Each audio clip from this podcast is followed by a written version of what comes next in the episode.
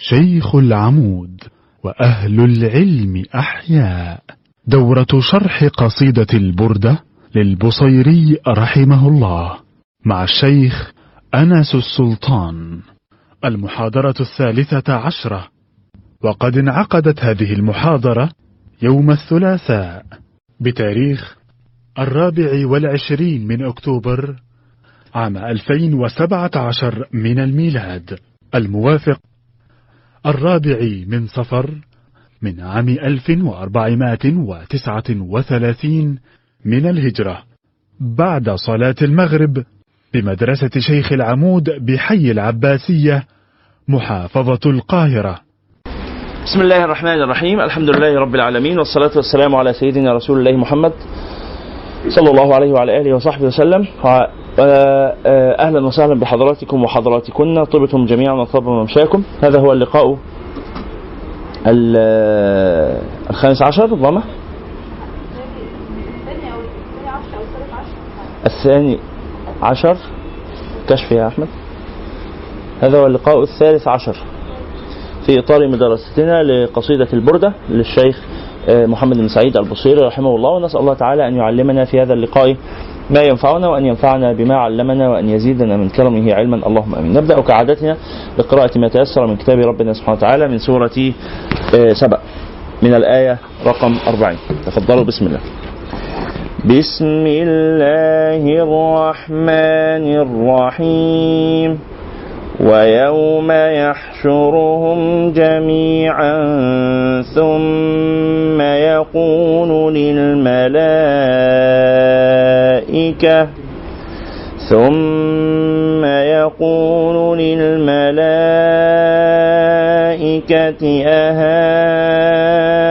أهؤلاء إياكم كانوا يعبدون قالوا سبحانك أنت ولينا من دونهم بل كانوا يعبدون الجن أكثرهم بهم مؤمنون فاليوم لا يملك بعضكم لبعض نفعا ولا ضرا ونقول للذين ظلموا ذوقوا عذاب النار التي كنتم بها تكذبون وإذا تتلى عليهم آياتنا بينات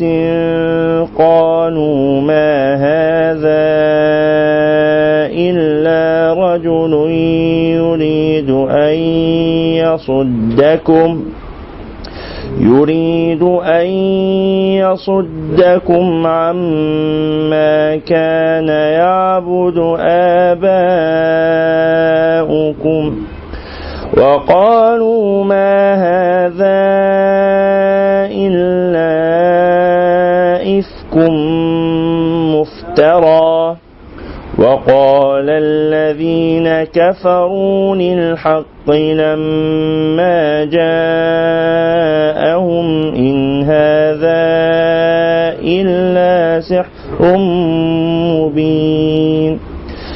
وما آتيناهم من كتب يدرسونها وما أرسلنا إليهم قبلك من نذير وكذب به قه استغفر الله. وكذب الذين من قبلهم وما بلغوا معشار ما آتيناهم فكذبوا رسلي فكيف كان نكير قل إنما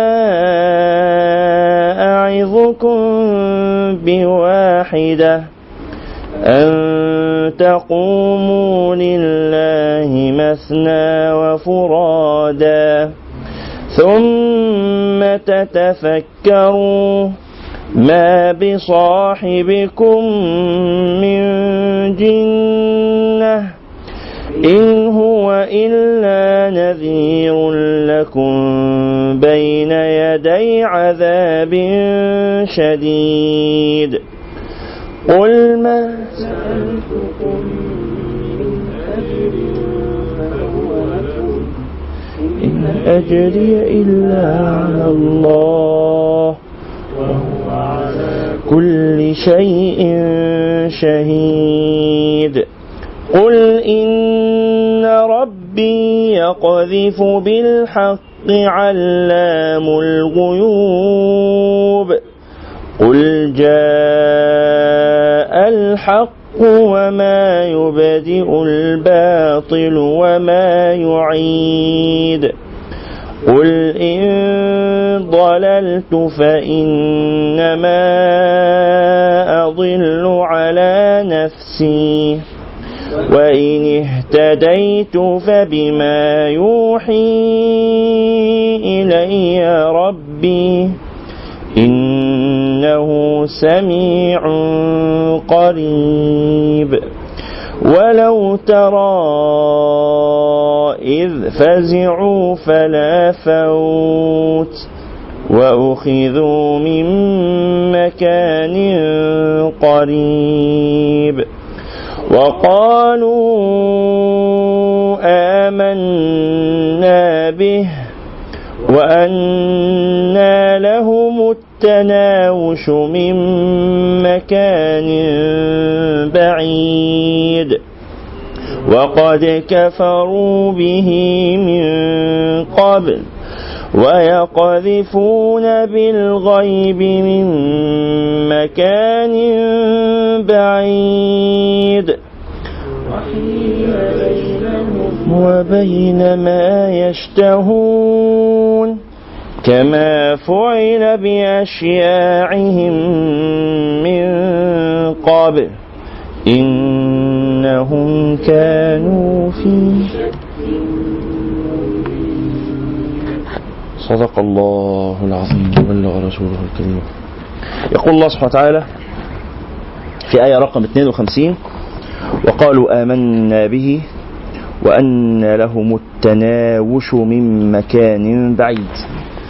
من من حضراتكم يعرف معنى كلمة التناوش؟ واحد. واحدة تعرف. التناوش. ها حتى نحاول كده نجتهد فهم السياق. وقالوا آمنا به وأن لهم التناوش من مكان بعيد. من يعرف؟ من يحاول؟ إناس التناوش اختلاف الرأي. اسم حضرتك. هند اتفضلي هم بيدعوا انهم ان هم امنوا به ولما بيتخلفوا عنه بيتجمعوا اقوام ويتحاوروا مع بعض في ال- التناوش معناه التحاور. انت عايز تقولي كده يا هند؟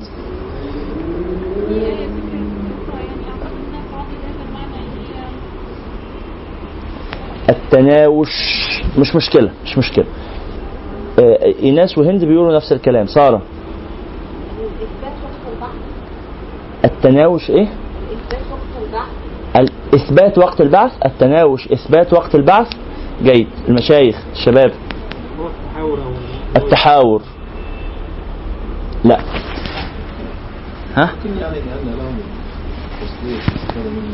لأن لهم يعني ولو ترى إذ فزعوا. فلا فوت. فلا فوت. لا مهرب. وأخذوا من مكان قريب. يعني اتجابوا. ها؟ كأن هم حط- فهمتوا المعنى؟ مش هيهربوا يعني. يعني في الآخر ايا ما كان مكانهم فهم قريبون من الله تعالى. وهو أقرب إليه من حبل الوريد. فالله سبحانه وتعالى آه، قريب. ومن أسمائه سبحانه وتعالى القريب. ف ولو ترى إذ فزعوا فلا فوت لا مهرب. وأخذوا من مكان قريب وقالوا آمنا به. أول ما اتمسكوا قالوا آمنا به. أول ما اتمسكوا بعدوا عن الحق. ليه؟ الله سبحانه وتعالى كان مدي لهم فرصة في الدنيا إن الحق قريب منهم يؤمنوا به. فلما امسكهم في قبضته و- وقبضهم إليه وفزعوا لأنهم قبضوا ولأنهم أخذوا إلى مكان آه، آه، آه، يعني لا يعلمون أين هو فحاولوا أن يمسكوا بالحق فلم يستطيعوا. فقالوا آمنا به وانى لهم التناوش يعني التناول. يعني يمدون أيديهم ليطولوا الحق أو ليطالوا الحق ولا يستطيعون. التناوش كلمة التناوش معناها التناول. خلاص؟ فهمتوا المعنى؟ وأن لهم التناوش من مكان بعيد يعني خلاص أصبح مكانهم بعيدا. يعني بعيدون عن موطن قبول الحق اللي هو موطن الدنيا اللي هو الحياة الدنيا. خلاص أصبحوا بعيدين عنه. فلا يمكن لهم التناوش يعني لا يمكن لهم تناول الايه ال- ال- الهدى وتناول الإيمان وما إلى ذلك. واضح المعنى؟ جزاكم الله خيرا. نسأل الله تعالى أن يجعلنا وإياكم من أهل القرآن الذين هم أهل الله وخاصته إن شاء الله كل مرة كده بنقرأ آه، صفحة أو شيء من هذا القبيل وبعدين نقف مع معنى لفظ واحد أو مفردة واحدة من مفردات الصفحة اللي قريناها ونشوف معناها إيه. طيب نرجع إلى القصيدة. صلوا على رسول الله. صلى الله عليه وعلى آله. إحنا وصلنا في آه، آه، بردة البصيري رحمه الله إلى الفصل ال- الثامن. في جهاد النبي صلى الله عليه وعلى آله وصحبه وسلم. وشرحنا بعضه في اللقاء السابق ونواصل اليوم. قال الفصل الثامن في جهاد النبي صلى الله عليه وسلم.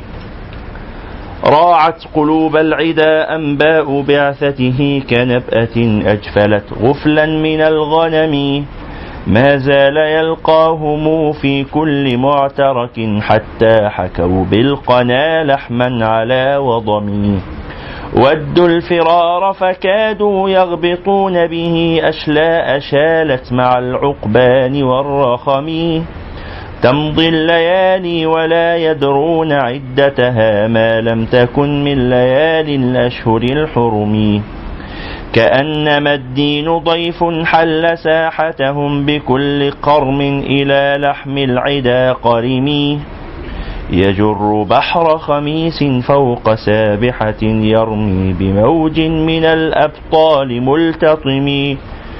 من كل منتدب لله محتسب يسطو بمستأصل للكفر مصطلم حتى غدت ملة الإسلام وهي بهم من بعد غربتها موصولة الرحم. مكفولة أبدا منهم بخير أب وخير بعل فلم تيتم ولم تئم هم الجبال فسل عنهم مصادمهم ماذا لقي منهم في كل مصطدم وسل حنينا وسل بدرا وسل أحدا فصول حتف لهم أدهى من الوخم المصدر البيض حمرا بعدما وردت من العدا كل مسود من اللمم والكاتبين بسمر الخط ما تركت أقلامهم حرف جسم غير منعجم. شاك السلاح لهم سيما تميزهم والورد يمتاز بالسيما عن السلم. تهدي إليك رياح النصر نشرهم فتحسب الزهر في الأكمام كل كمي كأنهم في ظهور الخير نبت ربا من شدة الحزم لا من شدة الحزم. طارت قلوب العدا من بأسهم فرقا فما تفرق بين البهم والبهم. ومن تكن برسول الله نصرته إن تلقه الأسد في آجامها تجمي ولن ترى من ولي غير منتصر به ولا من عدو غير منقصم. كم جدلت كلمات الله من جدل فيه وكم خصم البرهان من خصم. كفاك بالعلم في الأم معجزة في الجاهلية. والتأديب في اليتم شاك السلاح لهم سيما تميزهم. شاك السلاح معناه الحاد والقاطع من السلاح.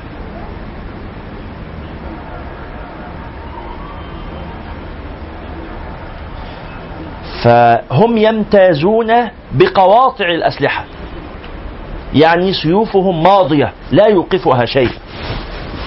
وهذه السيوف الماضية هي سمتهم وسيمتهم المميزة لهم. والسيمة معناها العلامة. شاك السلاح لهم سيمة يعني علامة.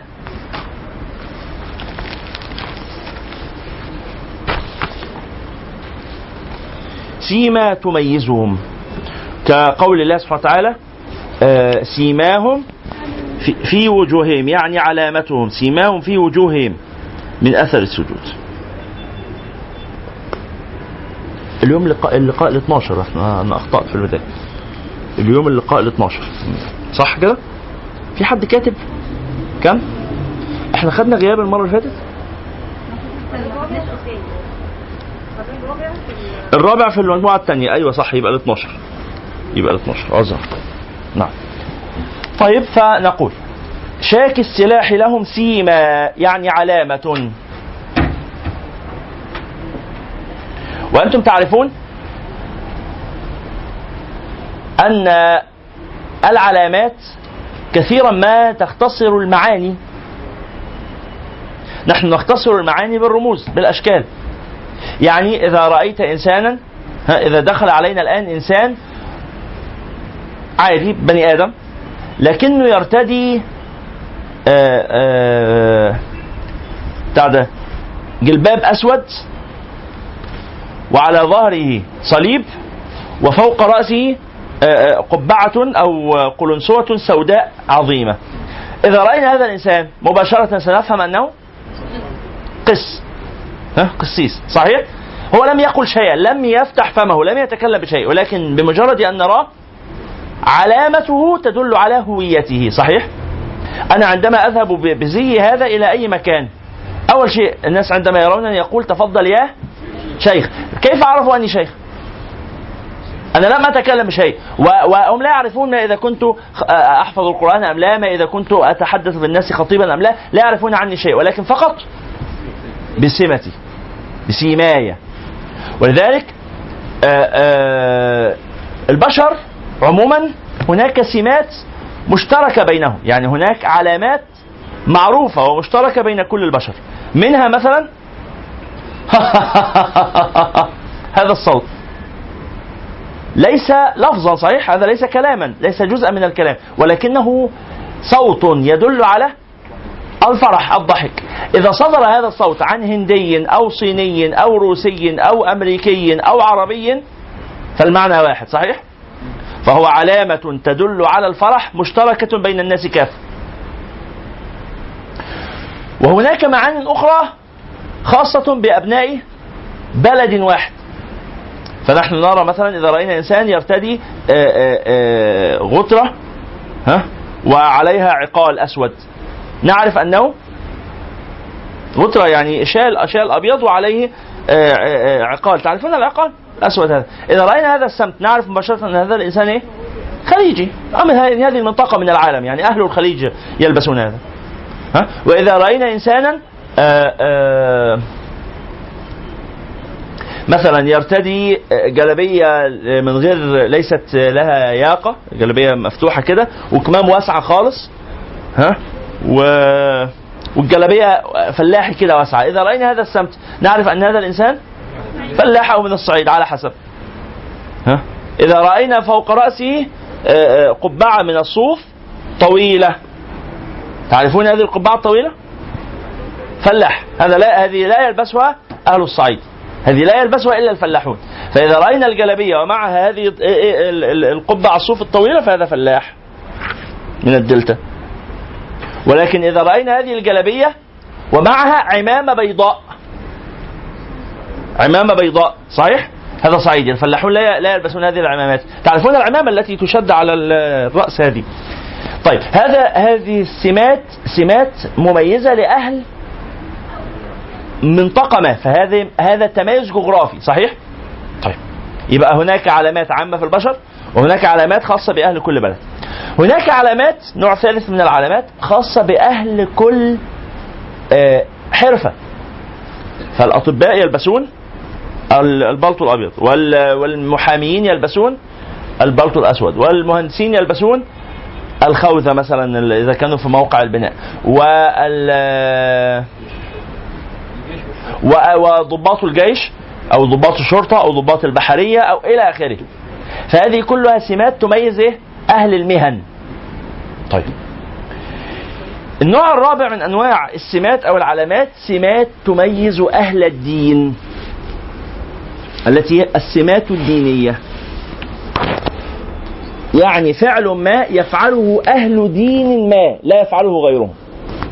هذا النوع الرابع من أنواع السمات هو الذي يحرم على المسلمين أن يحاكوا غيرهم فيه.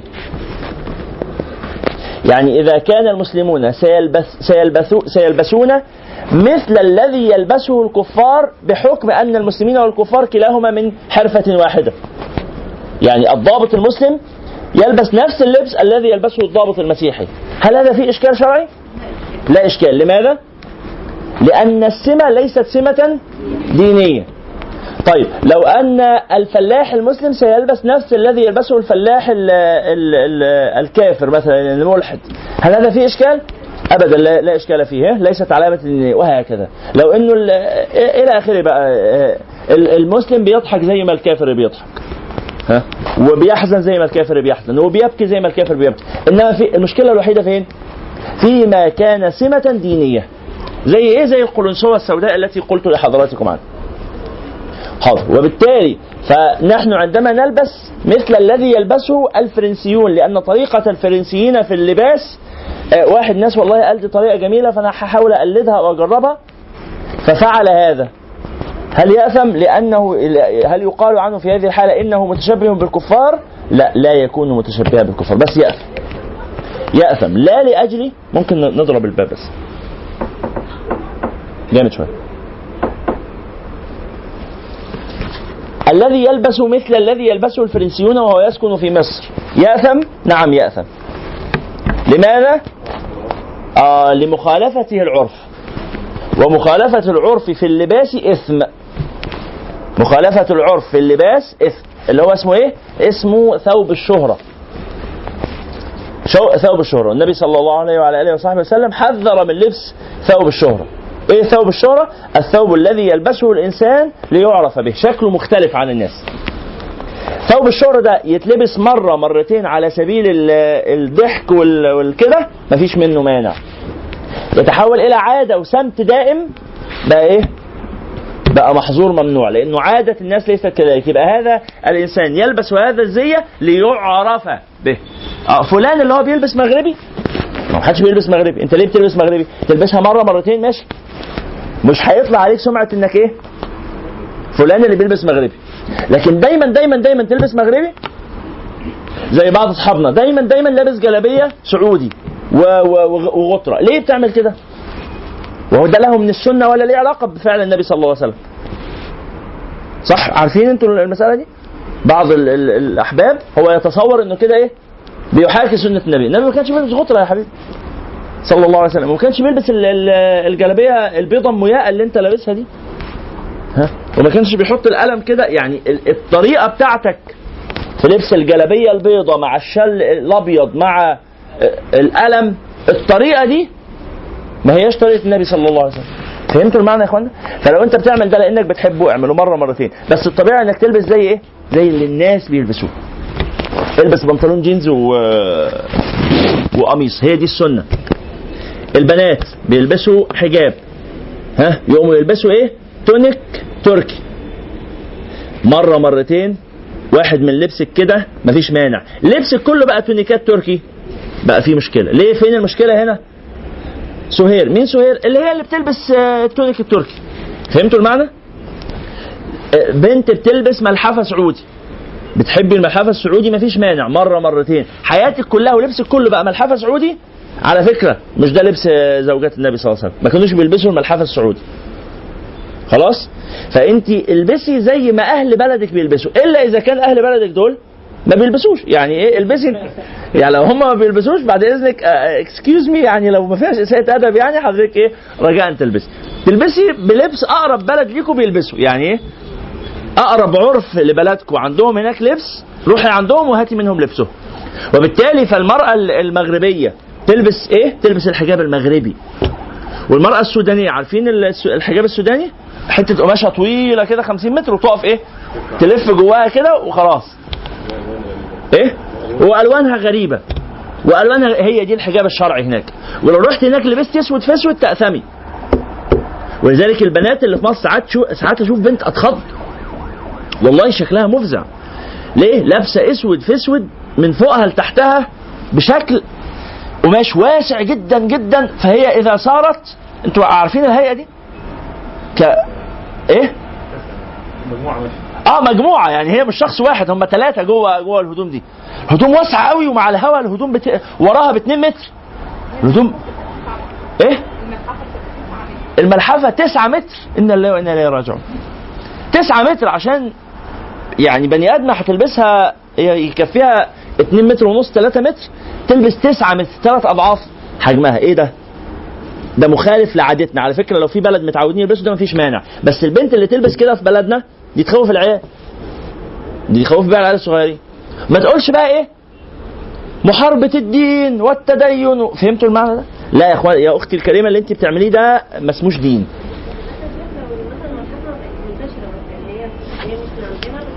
لو انتشرت لا لا أنا بقول لو انت أنا مش مش برفض الملحفة بس الحاصل في مجتمعنا هل الملحفة انتشرت؟ إيه؟ التركي انتشر خلاص خير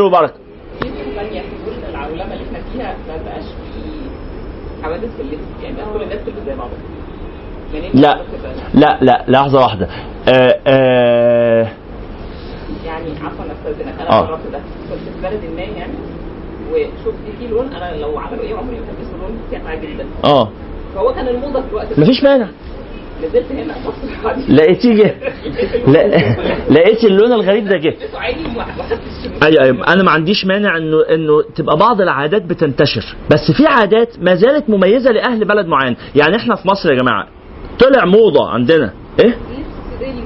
اللبس السوداني هل في بنت ممكن نلاقي بنت جاية تحضر معانا في المدرسة هنا؟ لابسة عباية. بتاع ده قماشة اللي هي بيسموها إيه؟ لا هل هل دي طلعت؟ يعني هل الموضة دي موجودة؟ طلعتش عشان هي ما بقتش موضة. لكن لو بقت موضة لما تبقى موضة. أي إحنا بنقول إيه؟ البنت تلبس كده لما تبقى موضة. لكن طالما لسه ما بقتش موضة ما تعملهاش. لو بنت جت المدرسة عارفين السال الهندي؟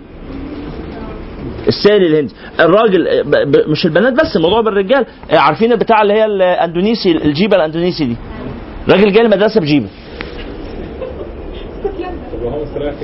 هو مستريح فيها؟ لا يستريح فيها في بيتهم. يستريح فيها في بيتهم. هيجي مدرستنا هنا لازم يلبس بنطلون أو يلبس جلابية لو عاوز يلبس زي ما الناس اللي في الشارع بيلبسوا. فهمتوا المعنى ده؟ إيه؟ بيجوا يوم الجمعة. بجيب مين دول؟ أيوه يا عم. ما تنرفزنيش. دول طلبة اندونيسيين أو, أو أفارقة. دول ما فيش منهم مانع.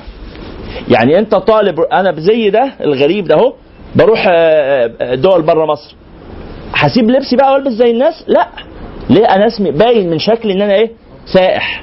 سائح. جاي المكان ده أتفرج وكده. لا لو أنا بقى هتجوز وأسكن وأعيش هناك ودي حياتي هعمل إيه؟ لا هنسى الكلام ده كله. هغير اللبس ده والبس زي ما هما بيلبسوا لو السنة بقى هي غريبة يعني الناس لو واحد عملها كده يبقى هو اللي مخالف إحنا مش شرحنا قبل كده قانون العرف ده في جدول؟ حضرته؟ آه. بس. بس. ارجع للجدول التساعي اللي إحنا كان تساعي لا ده كان خمسة في خمسة. خمسة في خمسة. 25 حالة. 25 حالة. فسكن الحالة بتاعتك فيهم. نعم هو ذكرت في الأول ان يعني ما- ما فيش لبس بيفرق المسلمين عن المسلمين الا ما هو عرف به المسلمون أعرف بأن آه. أنا قريت قرات مرة يعني إن سيدنا عمر لما دخل المسلمين مصر بقى يميز كنت غلطانه فعلا سيدنا عمر مش بعرف حد تاني أو آه. كان بيميز المسلمين بلبسهم يعني آه طبعا طبعا. لا مش فاهمه طيب أحد الاتفاقات أو أحد البنود اللي بتكون في عقد ال- الأمان يعني لما المسلمين بيدخلوا مكان ويعطوا لأهلها الأمان؟ أحد بنود هذه الوثيقة إنه النصارى أو الكفار أو يعني ال- اليهود أهل البلد دول يكون لهم سمت خاص بهم لبس خاص بهم ليه؟ ليعرفوا من المسلمين عشان ما يحصلش تمايز عشان ما يحصلش آه، اختلاط بين الناس في المعاملات والكده لأنه ده ليه منظومة قانونية بيحتكم إليها وده ليه منظومة قانونية ثانية بيحتكم إليها. زي ما سيدنا عمر كان إذا رأى جارية ار- ترتدي الحجاب ضربها. وأمرها أن تخلع الحجاب، ليه؟ عشان ما تتشبهش بالحرائر. لازم تبقى كاشفة شعرها وكاشفة إيديها لغاية مثلا دراعها فوق ولازم تبقى إيه؟ رجليها باين ليه كده؟ طب ما تستتر وبتاع. لا يمنعها. ليه؟ لأنه هي هتتشبه بالحرائر. الحرائر ليهم منظومة منظومة قانونية بيحتكموا إليها. ليهم طريقة في التعامل وال... والاماء ليهم طريقة تانية. فعشان ما تدخلش ما, تدوبش ال- الحاجات دي. عارف أقول لحضرتك زي إيه؟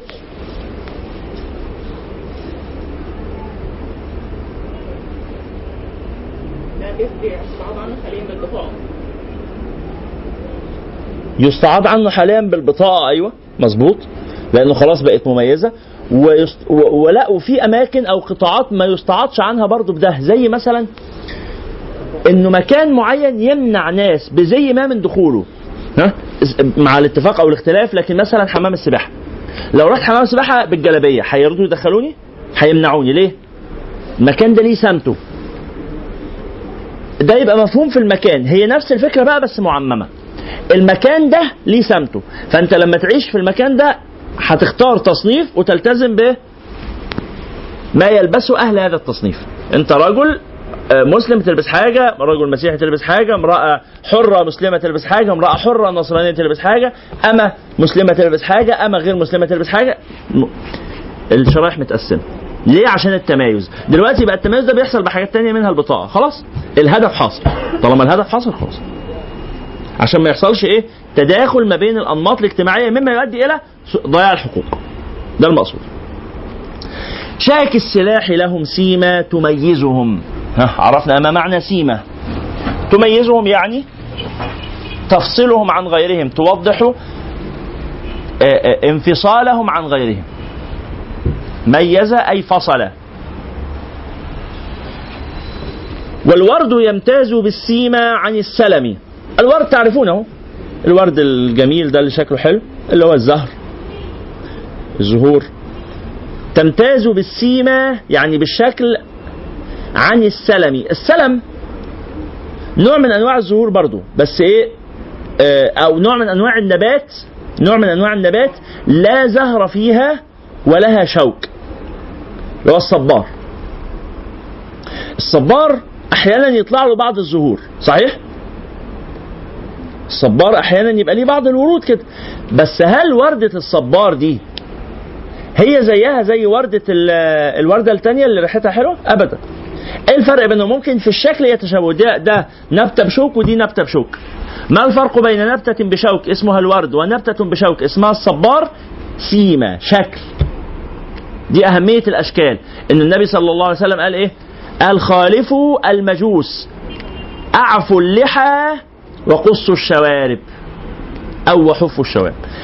أعفوا اللحى وقصوا الشوارب ليه؟ لأنه المجوس كانوا بيحلقوا اللحية ويطلقوا الشارب. يعني الشنب كبير قوي ومن غير لحية. زي ما دلوقتي الجماعة ال- المجوس ما زالوا يفعلون هذا إلى الآن. وال- والسيخ. عارفين؟ شفتوا منظر واحد من السيخ؟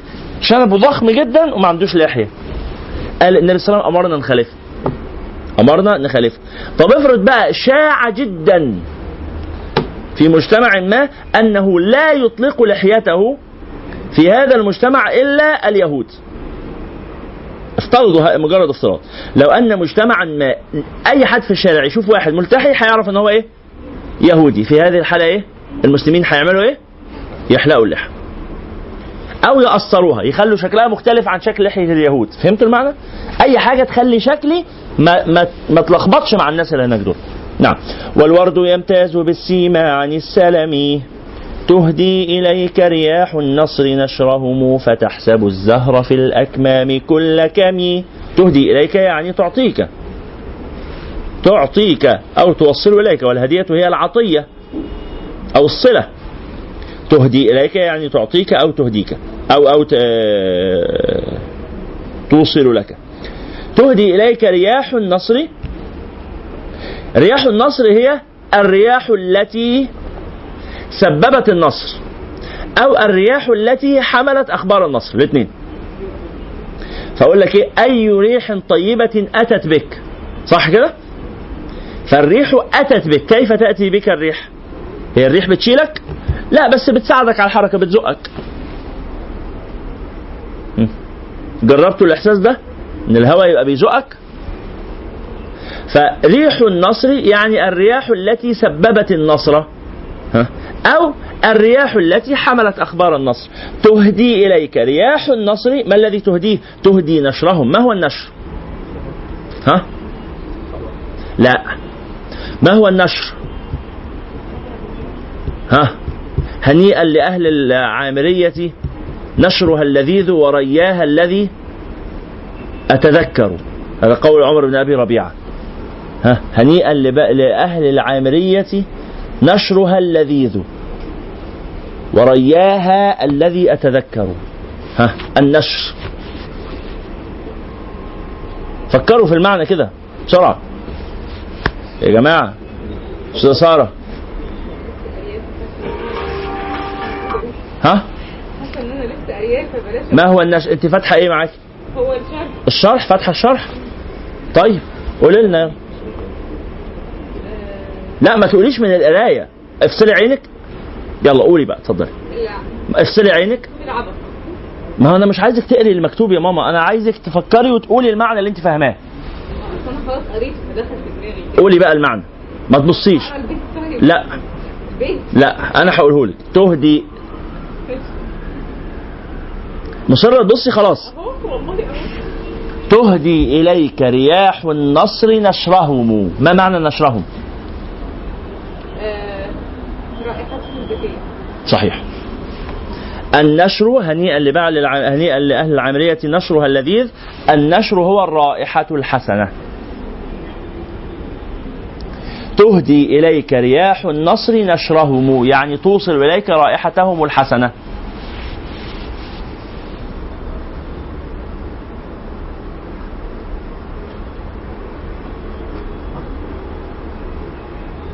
سارة سيبي الجهاز ده. وروحي هاتي كتاب. ايا مكان بس تبقي ماسكة كتاب مش ماسكة حديدة. تهدي إليك رياح النصر نشرهم. قلنا النشر هو الإيه؟ الرائحة الزكية أو الرائحة الطيبه فتحسب الزهر في الأكمام كل كم. تحسب يعني تظن. فتحسب فتظن فيخيل لك هذا التخيل هو قراءة أمر مخالف للواقع. صحيح؟ نعم. التخيل التخيل هو قراءة شيء مخالف للواقع. أه، أختنا معاكي الكتاب؟ يلا بصوا مع بعض. ماشي يا جماعة؟ التخيل هو قراءة شيء مخالف للواقع. تهدي إليك رياح النصر نشرهم فتحسب فتظن فيخيل لك على خلاف الواقع أن الزهر في الأكمام هو كل كم. الزهر في الأكمام الأكمام جمع كم؟ والكم هو أو الكم هو الغلاف الذي يحيط بالزهرة ليحفظها. عارفين ال- الزهر قبل ما يفتح بيبقى إيه؟ ليمونة. صح؟ مش بيقولوا كده؟ الفلاحين أو الجماعة اللي بيربوا زهور عارفين المصطلح ده. يقول لك إيه؟ الورده الشجرة دي فيها ثلاث ليمونات جداد اهم أربع ليمونات إلى آخره. اللي هي الإيه؟ الوردة وهي لسه مقفلة خالص. تبقى شبه الليمون كده. وبعدين يحصل لها إيه؟ تبدأ تفتح بالراحة. تتشقق الأول. هي بتبقى ليمونة مقفولة. أنت شفتوا المراحل دي ولا أنا بكلمكم عن حاجة ما تعرفوهاش شفتي شفتي وردة في مراحل تفتحها؟ بس. أول مرحلة منها اللي هي بتبقى حاجة مقفولة كده لونها أخضر فبيسموها ليمونة. وبعدين تتشقق بالراحة وبعدين تبدأ تتفتح صح؟ وبعدين من جواها تبدأ تظهر الإيه؟ الوردة وتكبر. أفضل مرحلة للورد. طبعا الوردة بتفضل إيه؟ تكبر. تكبر والليمونة دي أو ال- القش- القشر بقى اللي بره ده يفضل إيه؟ بعد ما كان ضامم كده يبدأ يتوسع يتوسع لغاية لما ينزل تحت خالص صح؟ وبعدين يتقشر ويقع وبعدين ال- الورد اللي جوه الورق بقى بتاعه يبدأ برضه هو إيه؟ يقع واحدة بواحدة لغاية لما يتبقى العود. بس مش دي كده مراحل الوردة؟ أفضل مرحلة تقص فيها الوردة أو تشم فيها ريحة الوردة. هي أنهي مرحلة؟ وهي متفتحه على الآخر؟ في أول مراحل تفتحها أول ما تبدأ مش ادي الورده أهي تبقى عاملة كده الأول أدي الليمونه أول حاجة بتحصل لها إيه؟ أهي بالمنظر ده كده بالظبط الشقه وهي لسه مقفولة من فوق صح؟ وبعدين تبدأ الشو تبان وبعدين تبدأ من فوق تتفتح. لغاية لما تصل إلى هذه المرحلة. اللحظة دي هي أفضل مرحلة إيه؟ تشم فيها الوردة. ليه؟ لأن ما زالت القفلة بتاعتها دي محافظة على الريحة اللي جوه. لما تقعد تتفتح لغاية لما توصل للمرحلة دي الوردة اللي جوه بيبقى شكلها كبير قوي بس الريحة بتكون راحت. كتير منها راح. فأفضل الزهر هو الزهر في الأكمام أم الزهر المنثور خارج الأكمام؟ أفضل الزهر هو الزهر في الأكمام. أفضل الزهر هو الزهر في الأك... أفضل الزهر من حيث الرائحة ومن حيث إنه يحافظ على نفسه. يحافظ على نفسه ما يبقاش إيه خلاص بعد شوية هيدبل ويبوظ. وأنت لما بتروح تشتري وردة بتاخد بالك إيه إنك تجيب وردة تكون إيه لسه نوعا ما لا هي مفتوحة قوي ولا هي مقفولة قوي في النص كده. فهذا هو الزهر في الأكمام. فتحسب الزهر في الأكمام كل كمي كمي يعني؟ ها؟ من يعرف؟ كمي يعني بطل؟ بطل شجاع مقاتل. وجمع كمي؟ أكمام. جمع كم؟ كمي اللي هو البطل بقى. الأكمام اللي هي أغلفة الوردة. لكن ال ال الكمي اللي هو البطل جمعها؟ ها؟ ها؟ كو صح الكاف مضمومة بعد كده؟ ها؟ لا. ها؟ كماء. غلط. ها؟ انت مش كنت بتقولي قريتي؟ ها؟ فين القراية؟ بتنسي؟ ها؟ لا. كماه كماه كمات جمع كمي. جمع بطل. كماه يعني أبطال شجعان مقاتلون. الأكمام كم ولا كم؟ كم خلاص؟ يبقى الأكمام جمع كم والكمي هو البطل جمعه إيه؟ كما يعني إيه معنى البيت؟ بيقول لك الريحة الطيبة تأتي برائحة نشرهم فإذا شممت هذه الرائحة ظننتها ظننتها خطأ إيه؟ لا.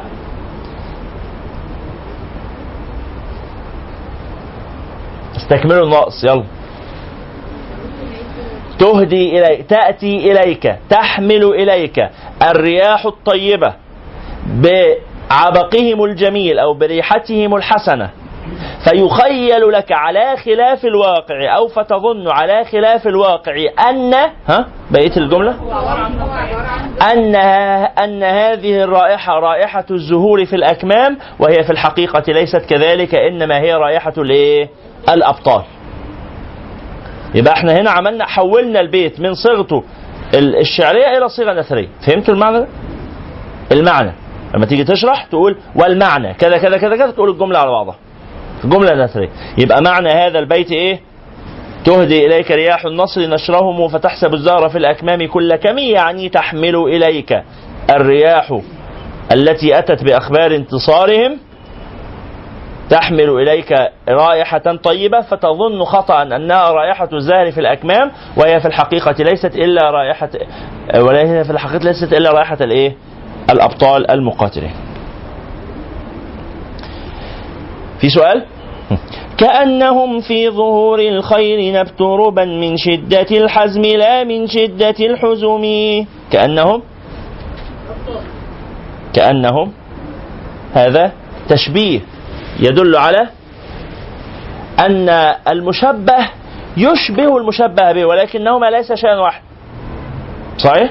لا يشبه شيئا بنفسه كأنهم في ظهور الخيل يعني فوق في معناها فوق. ولكنه عبر بفي بدلا من فوق ليدل على أنهم وظهور الخيل أصبحوا شيئا واحدا. كأنه الحصان طلع له بني آدم. فأصبحت أجسامهم مع الحصان مع مع مع الخيل جسما إيه؟ جسما واحد.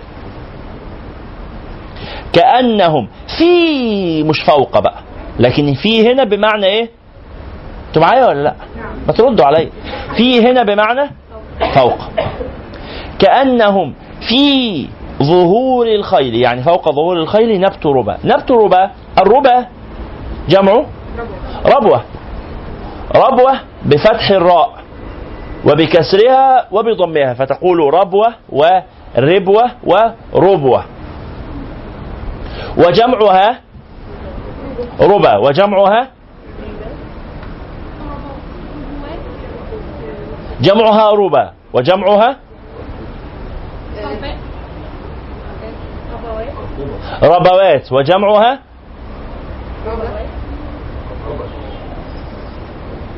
آه جمعها اسم جميل أحلى اسم في الدنيا.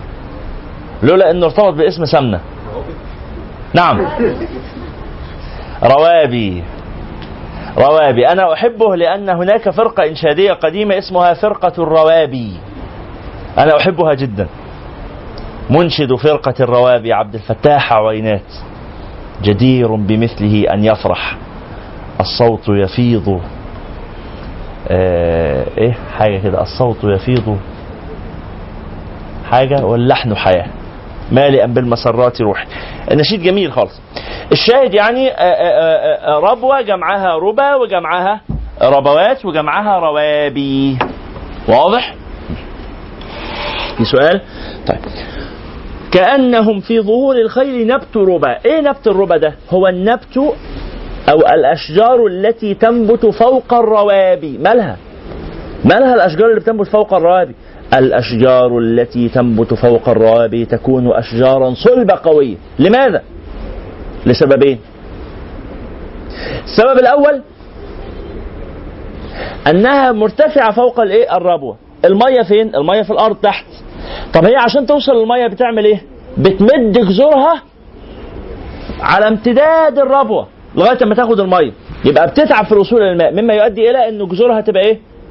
ماسكة في الأرض جامد. بخلاف النبت الذي يكون في الايه؟ في الوادي. لأنه قريب من المية فبيحصل له إيه؟ شفتوا شفتوا النبات اللي فوق النيل يا جماعة؟ شفتوا النباتات أو الحاجات اللي بتطلع فوق النيل دي؟ ما بيبقاش فيها جذور خالص. ليه؟ مش محتاج يتعب. ما هو المية أهي. فهذا يكون ضعيف جدا. فدي أول حاجة تخلي نبت الربا قوي متماسك. الحاجة الثانية أنه ليس أنه فوق الجبل. أو فوق فوق الربوة يعني في مكان مرتفع فهو معرض للرياح. ومع ذلك لم ينكسر لصلابته. ها؟ لم ينكسر لصلابته. بخلاف نبت الإيه؟ نبت السهول. ده بيحصل له إيه؟ ده بيأتي السيل فيطيح به يكسره ولا يبقي منه شيئا. يبقى النبت ال- الأكثر ثباتا هو نبت الربا أم نبت السهول؟ نبت الربا لماذا للسببين دول؟ لبعد ال- ال- ال- الماء عن جذوره فيمد جذور جذوره فتكون متشبثة بالأرض ولأنه إيه؟ لا يتعرض للسيل فلا يكسر ولا يضيع بل يثبت فوق الربوة. طيب. هو يقول إن هؤلاء الأبطال الصح أصحاب النبي صلى الله عليه وسلم في القتال تظن وتحسب أنهم نبت الربا فهمتم هذا؟ وهم في الحقيقة ليسوا كذلك. كأنهم في ظهور الخيل نبت ربا من شدة الحزم لا من شدة الحزم. يعني أنت لما تشوف منظر الواحد فيهم وهو قاعد على الحصان أو على الخيل والخيل بيجري. لا تظن أن اللي قاعد فوق الخيل ده بني آدم منفصل ده هو جزء من الخيل ها؟ مش إيه؟ مش عمال يطلع وينزل ويتنط. لا ده لازق كده في ظهر البتاع. بيعملها إزاي دي؟ عشان الأحزمة التي تشد السرج شديدة عارفين السرج هل هو ثابت هذا الثبات لأجل شدة الحزم؟ تذكرون عنترة لما قال استغفر الله. ليه الواحد بينسى؟ نهد مراكله نبيل المحزم. ها وهو يصف فرسه. قال نهد آه، مراكله نبيل المحزم يعني المراكل التي هي مواضع الركل الأماكن اللي بيتضرب منها. كبيرة تخينة. والمحزم مكان شد الحزام نبيل يعني برضه ممتلئ. هو بيوصف فرسه بأنه فرس جامد ناشف. فموضع الركل عارفين لما بتبقى راكب الخيل بتضرب برجليك كده بتركله في إيه؟ في آخر بطنه عشان يجري.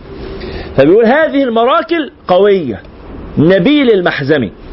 وبالتالي فهو فرس قوي لا يستطيع أن يركبه ولا أن يحركه فهمتم؟ الفرس الضعيف. ها؟ تخبطه خبطة بسيطة يعني ممكن بنت تخبطه إيه؟ يقوم آه، يجري يحس بخبطتها.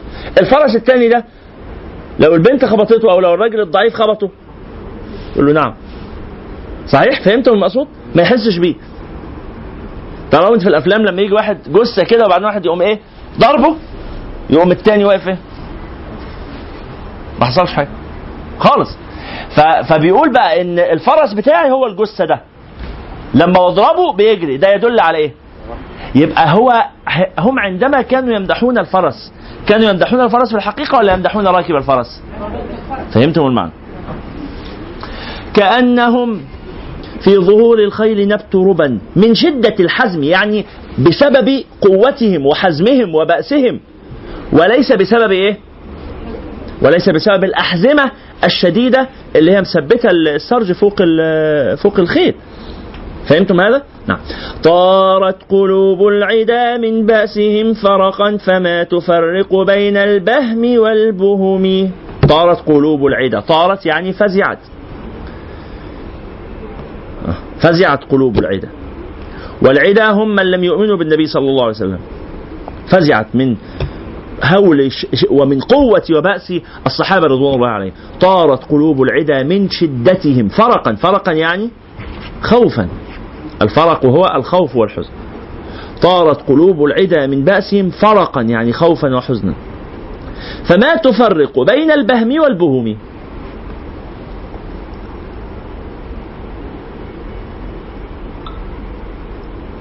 البهم معناه البطل. ال- القوي المقاتل. والبهم جمع بهمة. والبهمة اسم لابن الشاة حديث الولادة. الشاة حديثة الولادة ابن الشاة الذي ولد حديثا يعني من ساعة ولا كده. حجمه عامل إزاي؟ قد كده صح؟ صغير جدا طب والأبطال المقاتلين حجمهم عامل إزاي؟ أنتوا معايا؟ البطل المقاتل ده حيطة حيطة طول في عرض في ارتفاع حاجة كده كبيرة الأعداء أعداء النبي صلى الله عليه وعلى آله وصحبه وسلم وصلوا لمرحلة إن هم غير قادرين بسبب إيه؟ رعبهم وخوفهم أصبحوا غير قادرين على التفريق بين البطل وبين الإيه؟ البهمة. البهمة. بين الأبطال وبين البهم. وصل المعنى؟ طارت قلوب العدا من بأسهم. بأسهم أي قوتهم. البأس هو القوة. البأس هو والبأس كذلك هو الحرب. كلمة البأس معناها القوة وكلمة البأس معناها الحرب. البأس معناه القوة والبأس معناه الحرب. يارا. أستاذة يارا. اطلبيها لنا مش كنت بتحضري البوردة جيد. أولى. آه أنت قلتي لي صح أنا نسيت. موفقة في مجموعة أهل الله في القرآن. موفقة طيب نرجع تاني. صلوا على رسول الله. يا عم الشيخ أحمد المعنى واضح؟ ها. أيوه طب ما تقول لي كده إن هو مش واضح عشان أوضحه. طارت يعني فزعت فرت هربت قلوب العدا قلوب أعداء النبي صلى الله عليه وسلم من بأسهم الضمير في بأسهم يعود على الصحابة. فرقا يعني خوفا يعني أعداء النبي فروا وهربوا وفزعت قلوبهم خوفا من الصحابة. لدرجة أنهم أصبحوا اللي هم الأعداء دول أصبحوا غير قادرين على التفريق بين البهم والبهم. البهم البطل الشجاع القوي والبهم ال- آه، جمع بهمة والبهمة هي ابن ال- الشاء حديث الولادة.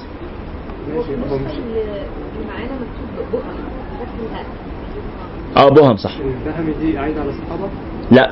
البهم ال- آه، ال- ال- البهم البهم عايدة على البطل من الصحابة آه. بس مش من الصحابة بس البطل عموما. فهم إزاي واحد خايف شاب يعني مش عارف الفرق بين البطل دوت وبين حاجة لأنه فقد عقله هو مش قادر يميز الكبير من الصغير. يعني حق ال- لا لا هذا يدل على أن أقول لك على حاجة. عارف لما يبقى واحد قوي جدا أو أو الصوت ورا لو سمحت. واحد جبار طاغية لدرجة إن اللي يشوفه يفقد عقله تماما فتلاقيه هلوس بالكلام فيحدثه حديث الأنثى مثلا. تعرف حديث الرجل الذي فقد طعامه وشرابه ثم لما وجده قال اللهم أنت عبدي وأنا ربك. أخطأ من شدة الفرح. الحالة دي حالة غياب العقل. هل هذا انتقاص من قدر الله إن ربنا اتساوى بال- بالعبيد؟ لا هذا يدل على إنه هذا العبد الذي قال هذا الكلام عقله مبقاش معاه. عارف عارف آه، آه، آه، الخديوي إسماعيل في موقف كده حصل معاه؟ واحدة قابلته من الفلاحين. جدتي حصل معاها موقف زي كده رحمها الله. كانت بتمدح ابن ابن عمها. وفي مرضه راجل كبير في السن وبتاع وبعدين بتمدحه فتقول له بتقول له أنت يا أستاذ عبد الحليم يعني بطنك دي تاخد الناس كلها. هو كان كرشه كبير قوي. بس هي ما كانتش بتتكلم على كرشه هي كانت تقصد قلبه واسع هو كان زعلان من حد فهي بتصلح ما بينهم. فبتقول يا أستاذ عبد الحليم ده أنت ما شاء الله ده أنت يعني بطنك تاخد الناس كلها. شكرا. هي طبعا قصدها تقول له إيه؟ صح؟ قصدها تقول له قلبك واسع مش في كده؟ قلبك واسع؟ قلبك ياخد الناس كلها؟ في ناس كده في ناس قلوبها واسعة. بتعرف تحب كل الناس الناس كلها بتحبه وناس قلوبهم إيه؟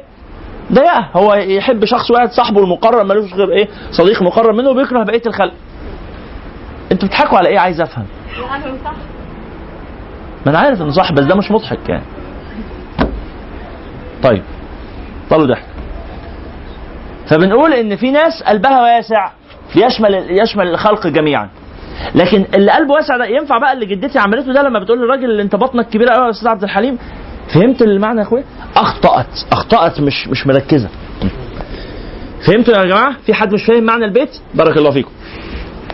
طارت قلوب العدا من باسهم فرقا فما تفرق بين البهم والبهم ومن تكن برسول الله نصرته إن تلقه الأسد في آجامها تجمي.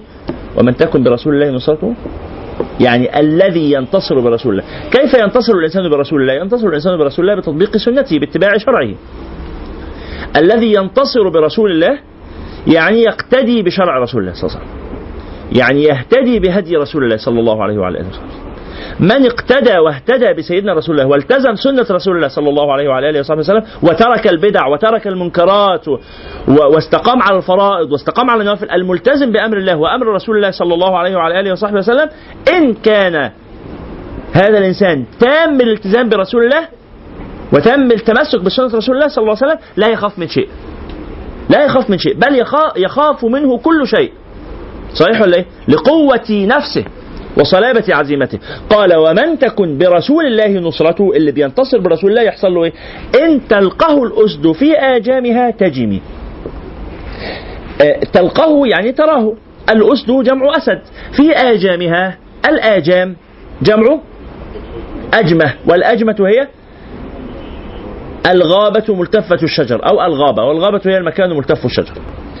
الأسود تعيش في الأماكن التي فيها أشجار كثيرة وتختبئ وسط الأشجار أو تسكن وسط ال- الأشجار؟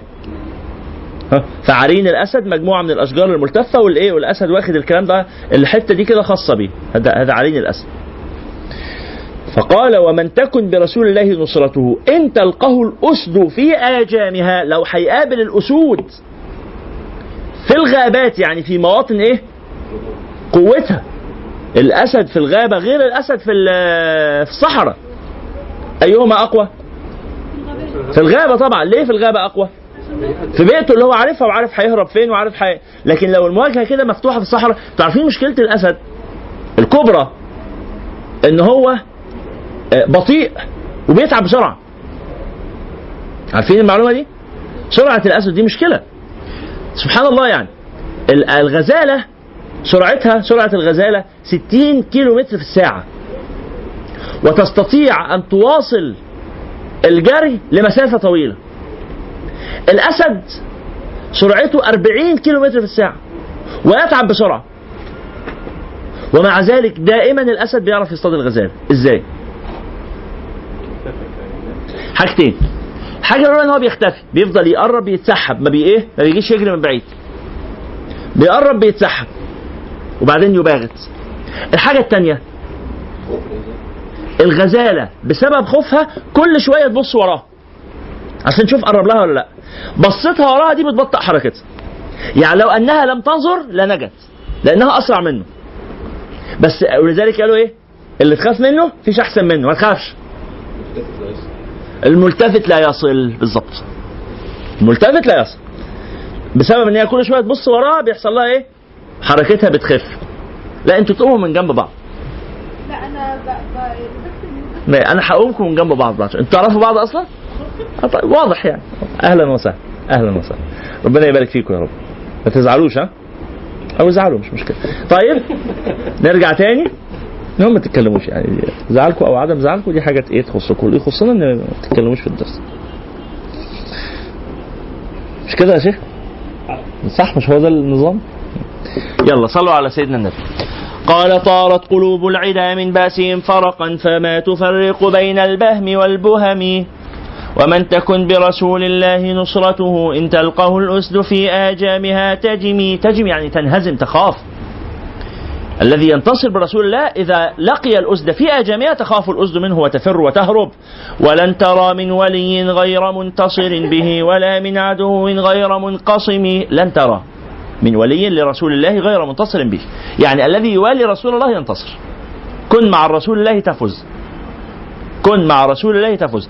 لن ترى من ولي يعني صديق يعني حبيب يعني نصير لرسول الله لن تراه غير منتصر. في الدنيا أو في الآخرة. يعني ربما آه، آه، ي- يلاحقه إيه هزيمة جزئية في موقف أو موقفين. ولكن في إجمالي حياته يكون فائز. حتى ولو كان فوزه هذا هو فوز الإيه؟ السعادة وفوز العزيمة وفوز المكانة وفوز سمو الرفعة والمنزلة. ده منتسب لرسول الله صلى الله عليه وسلم. ولن ترى من ولي غير منتصر به يعني بمتابعته له صلى الله عليه وسلم. ولا من عدو غير منقسم. الذي يعادي رسول الله ينقسم يهلك يخسر. ما عاد أحد رسول الله صلى الله عليه وسلم وانتصر ولو على المدى البعيد. ولن ترى من ولي غير منتصر به ولا من عدو غير منقسم. منقسم يعني مكسور. ها؟ منقسم منقسم يعني مكسور. ومنفصم يعني معناها مفكك أمره الاثنين صح. منفصم متفكك أمره أو منقسم يعني مكسور. في سؤال؟ ولن ترى من ولي غير منتصر به ولا من عدو غير من- منقسم أحل أه؟ أحل أمته في حرز ملته كالليث حل مع الأشبال في أجم. أحل يعني نزل بأمتي يعني أنزل أمته. أحل يعني أنزل. زي لما أقول لك إيه؟ حللت سهلا أو أحلك سهلا. فحللت يعني نزلت أحلك يعني أنزلك. أحل أمته يعني أنزل أمته. أنزلهم فين؟ في النزل في الفندق؟ لا لم ينزلهم في النزل. إنما أنزلهم في حرز ملته. يعني شبه الملة شب... تعرفون الملة؟ الملة هي الشريعة. الملة هي الشريعة. شبه الشريعة بالحرز. ما هو الحرز؟ الحرز هو مكان الحماية والحفظ. هذا معنى كلمة حرز. والحرز والحرز يختلف باختلاف المحرز فيه. يعني لما تحرز السيارة بتحرزها فين؟ في الجراج. طب لما تحرز الفلوس بتحرزها في البنك أو في الدرج عندك في البيت؟ طب لما تحرز الموبايل بتحرزه في جيبك. فهمتم هذا؟ فكل حاجة ليها إيه؟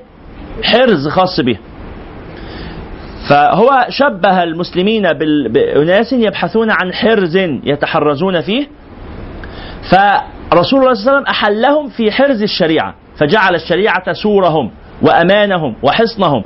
أحل أمته في حرز ملته كالليث مثل الليث الليث الأسد. كالليث حل مع الأشبال في أجم. الأجم كما قلنا قبل قليل الأجم جمعه الأجم مفرد مفرد آجام. فآجام جمع مفرده. أجم وأجمه. أو أجمه. نعم. غابة. كالليث حل مع الأس مع الأشبال يعني أبناؤه. ورسول الله صلى الله, عليه وسلم قال لنا أنا أنا لكم بمنزلة أنا منكم بمنزلة الإيه؟ الوالد من الولد. فكأن النبي صلى الله عليه وسلم هو أبونا جميعا. أنا منكم بمنزلة الوالد من الولد. هو آه، لنا نبي بنى بيتا لكل فتى منا. وكل رضيع لفه بردة وكل عرس أتاه للعروس أبا يلقي التحية للأضياف والوسدة وكل حرب أتاها للورى أنسا. واستعرض الجند بين الصف والعدد. نعم. ومن تكن برسول الله أس... آه. أحل أمته في حرز ملته كالليث حل مع الأشبال في أجمه كم جدلت كلمات الله من جدل فيه وكم خصم البرهان من خاصم. جدلت يعني قهرت وانتصرت. وحسمت الجدال أنهت الجدال جدلت يعني أنهت الجدال. رفعت الجدال خلاص الموضوع محسوم. كم جدلت كلمات الله يعني كلمات الله يعني آياته. آياته وآلاؤه كم خصمت كم كم حسمت من جدالات قائمة. كم جدلت كلمات الله من جدل. فيه يعني يا ما حصل جدال فيه. هل هو صادق ولا كاذب؟ هل هو آه، نبي ولا مش نبي؟ حصل جدال. لكن كلمات الله حسمت هذا الجدال. وأنهت هذا الجدال. كم جدلت كلمات الله من جدل؟ فيه. وكم خصم البرهان من خصم. خصم؟ يعني أنهى أو آه، آه، آه، قلل. بقول لك إيه؟ هذا مخصوم يعني منقوص. خصم البرهان من خصم يعني أنهى النقاش وأفحم وأقنع ومنعه من مواصلة خصومته إما باقتناعه أو بانهزامه. كم جدلت كلمات الله من جدل فيه وكم خصم البرهان من خصم كفاك بالعلم في الأمي معجزة في الجاهلية. آية أنا بص هم آيات كتير. كلمات الله دي كلمات كتيرة قوي مش هقولها لك كلها هقول لك حاجة واحدة بس هي تكفيك. كفاك يعني يكفيك. يكفيك إيه؟ يكفيك بدلا من ذكري لكلمات الله. فإن كلمات الله كثيرة. مش هو قال كده؟ قال كم جدلت كلمات الله بس كلمات الله دي كتير قوي. هقولها لك كلها؟ لا أنا هقول لك حاجة واحدة بس كفاية. كفاك يعني يكفيك بدلا من ذكري لكلمات الله كلها أن أذكر كلمة واحدة الله آية واحدة الله. ما هي؟ كفاك. بماذا؟ بالعلم في الامي نعم.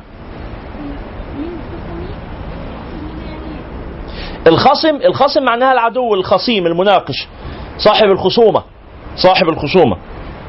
كفاك يعني يكفيك بالعلم مفهوم. في الأمي معجزة. الأمي من لا يقرأ ولا يكتب. الأمي من لا يقرأ ولا يكتب. وسمي بذلك لأنه يكون على الحال التي خرج فيها من بطن أمه. والله أخرجكم من بطون أمهاتكم لا تعلمون شيئا. وجعل لكم السمع والأبصار والم... وال... والأفئدة وسائل المعرفة. وسائل المعرفة. قليلا ما تشكرون. ف كفاك ها؟ آه الله أخرج جعل لك السمع والأبصار والأفئدة لعلكم تشكرون. نعم. كفاك بالعلم في الأمي معجزة. يعني هذا إنسان أمي. من علمه؟ هو لا يقرأ ولا يكتب ولا لا, يعرف كتب السابقين لم يقرأ كتب اليهود والنصارى. كيف تعلم هذا العلم؟ كيف قال هذا القرآن العجيب؟ الذي لا يأتيه الباطل من بين يديه ولا من خلفه. وقرآنا فرقناه ده نزل على مدار 23 سنة لتقرأه على الناس على مكث. ها؟ وهم اعترضوا وقالوا لولا نزل هذا القرآن جملة واحدة. ربنا سبحانه وتعالى لم يستجب لذلك. قال كذلك لنثبت به فؤادك. ها؟ لم يستجب لاعتراضهم أو لطلبهم إن هم قالوا ان القران ينزل على بعض. ليه؟ لنثبت به فؤادك ورتلناه ترتيلا. فالله سبحانه وتعالى فرق نزول القرآن. هذا النبي ال- الأمي الذي لا يقرأ ولا يكتب كيف يقول هذا الكلام العجيب الذي لم يتعلمه من معلم يكفي هذا دليلا على صدقه كفاك بالعلم في الأمي معجزة. وال- والأعجب بقى الأعجب إنه مش بس عالم وهو أمي ده عالم وهو أمي في جاهلية صح ولا إيه؟ ده عايش أصلا في وسط ناس الجاهلية هي الزمان الذي لا علم فيه الزمان الذي لا علم فيه هو عايش في وسط ناس جهال صح ولا إيه؟ وهو أمي لا يقرأ ولا يكتب، طب العلم اللي عنده ده جابه منين؟ لابد أن يكون من مصدر خارجي. ولذلك إحنا قلنا قبل كده لو كان النبي صلى الله عليه وسلم بعث في أثينا ها بعث في أثينا ولا بعث في آه، آه، بلاد ال- ال- الفارس ولا كده ها كان الناس عندهم علم فيقال إن هذا الإنسان أتى بعلوم هؤلاء الناس وطورها فيبقى عالم عظيم عالم عظيم اتعلم حلو وزود على العلم شوية صح ولا إيه؟ لكن لما يم... لما يطلع في بيئة ما فيهاش حد يعني بيعرف الألف من ال... من كوز الذرة زي ما بيقولوا ويبقى عنده كل هذا العلم هذا دليل على أن هذا العلم ليس من إيه؟ ليس من علوم البشر ليس من علوم البشر. كفاك بالعلم في الأمي معجزة في الجاهلية خصوصا. العلم في الأمي أصلا معجزة. بس لما يبقى علم في أمي في جاهلية يبقى إيه؟ معجزة. ما بعدها معجزة. كفاك بالعلم في الأمي معجزة في الجاهلية. والتأديب في اليتم. هذا إنسان يتيم. ليس له أب. من أدبه؟ ليس له أم. ليس له جد حتى. يعني كل لما يروح يعيش مع حد يفقده. مين أدبه ده؟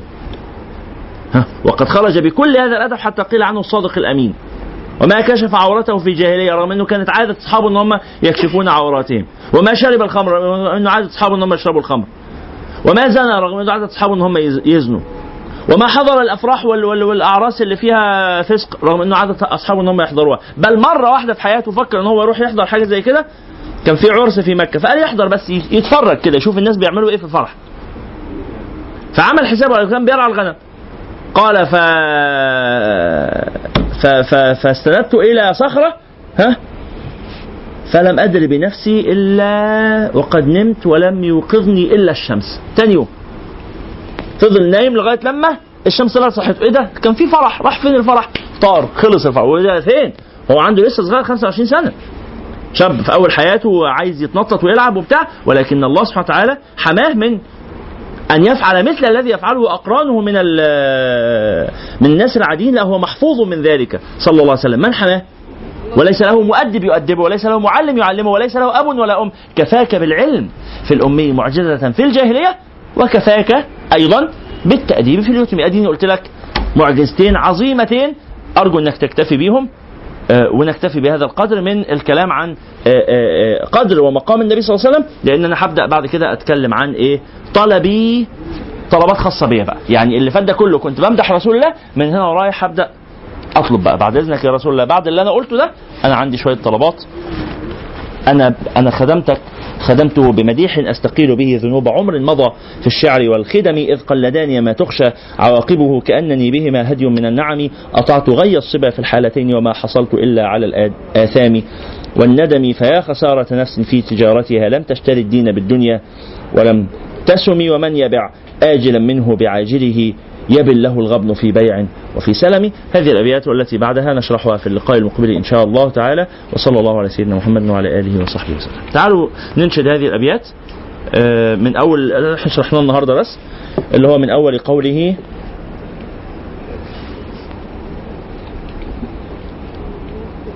من أول وسل حنينا البيت رقم 128 بسم الله الرحمن الرحيم. يا إن الله وملائكته يصلون على النبي. صلى الله عليه وسلم. يا أيها الذين آمنوا صلوا عليه وسلموا تسليما. صلى الله عليه وسلم. مولاي صل وسلم دائما أبدا على حبيبك خير الخلق كلهم. مو ها.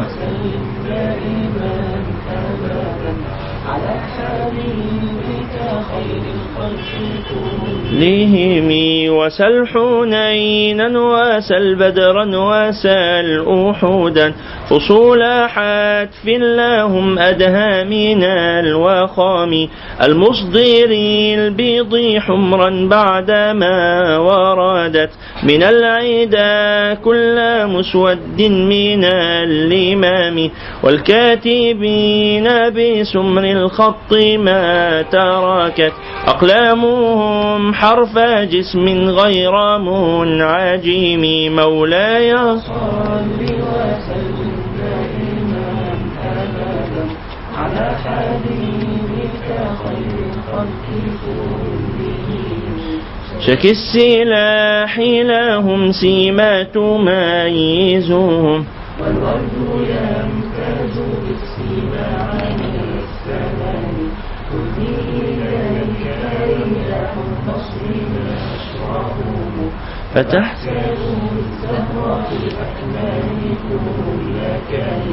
كأنهم في ظهور الخيل نبت ربا من شدة الحزم لا من شدة الحزوم مولاي صل وسلم.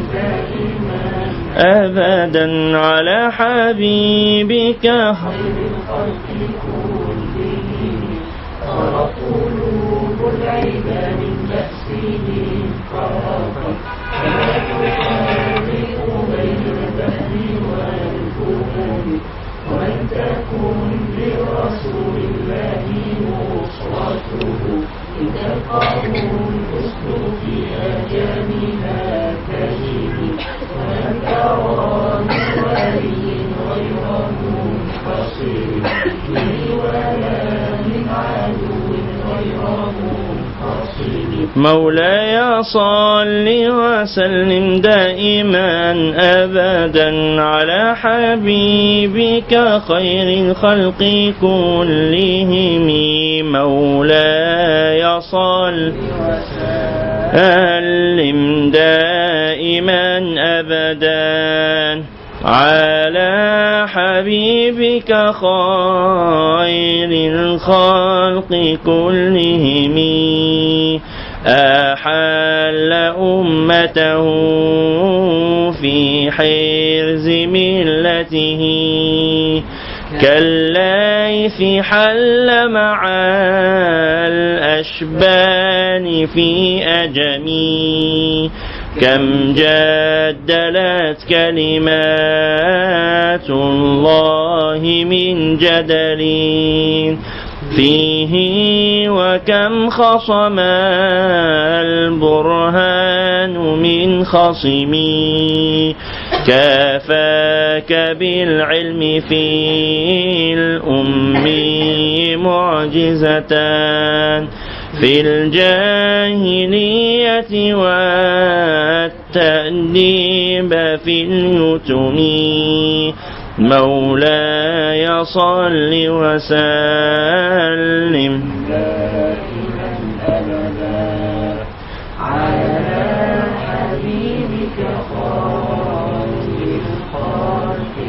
كلهم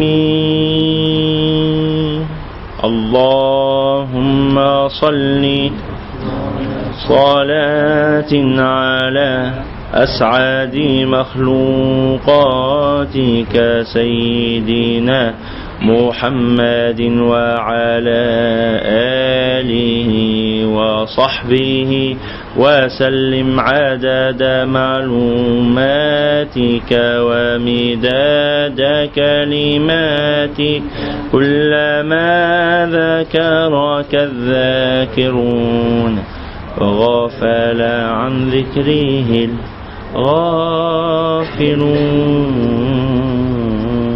صلى الله عليه وعلى آله وصحبه وسلم تسليما كثيرا طيبا مباركا فيه إلى يوم الدين. جزاكم الله خيرا كثيرا. سبحانك اللهم وبحمدك أشهد أن لا إله إلا أنت أستغفرك وأتوب إليك. بسم الله الرحمن الرحيم. والعصر إن الإنسان لفي خسر إلا الذين آمنوا وعملوا الصالحات وتواصوا بالحق وتواصوا بالصبر. سبحان ربك رب العزة عما يصفون. وسلام على المرسلين والحمد لله رب العالمين. جزاكم الله خيرا. والسلام عليكم ورحمة الله وبركاته.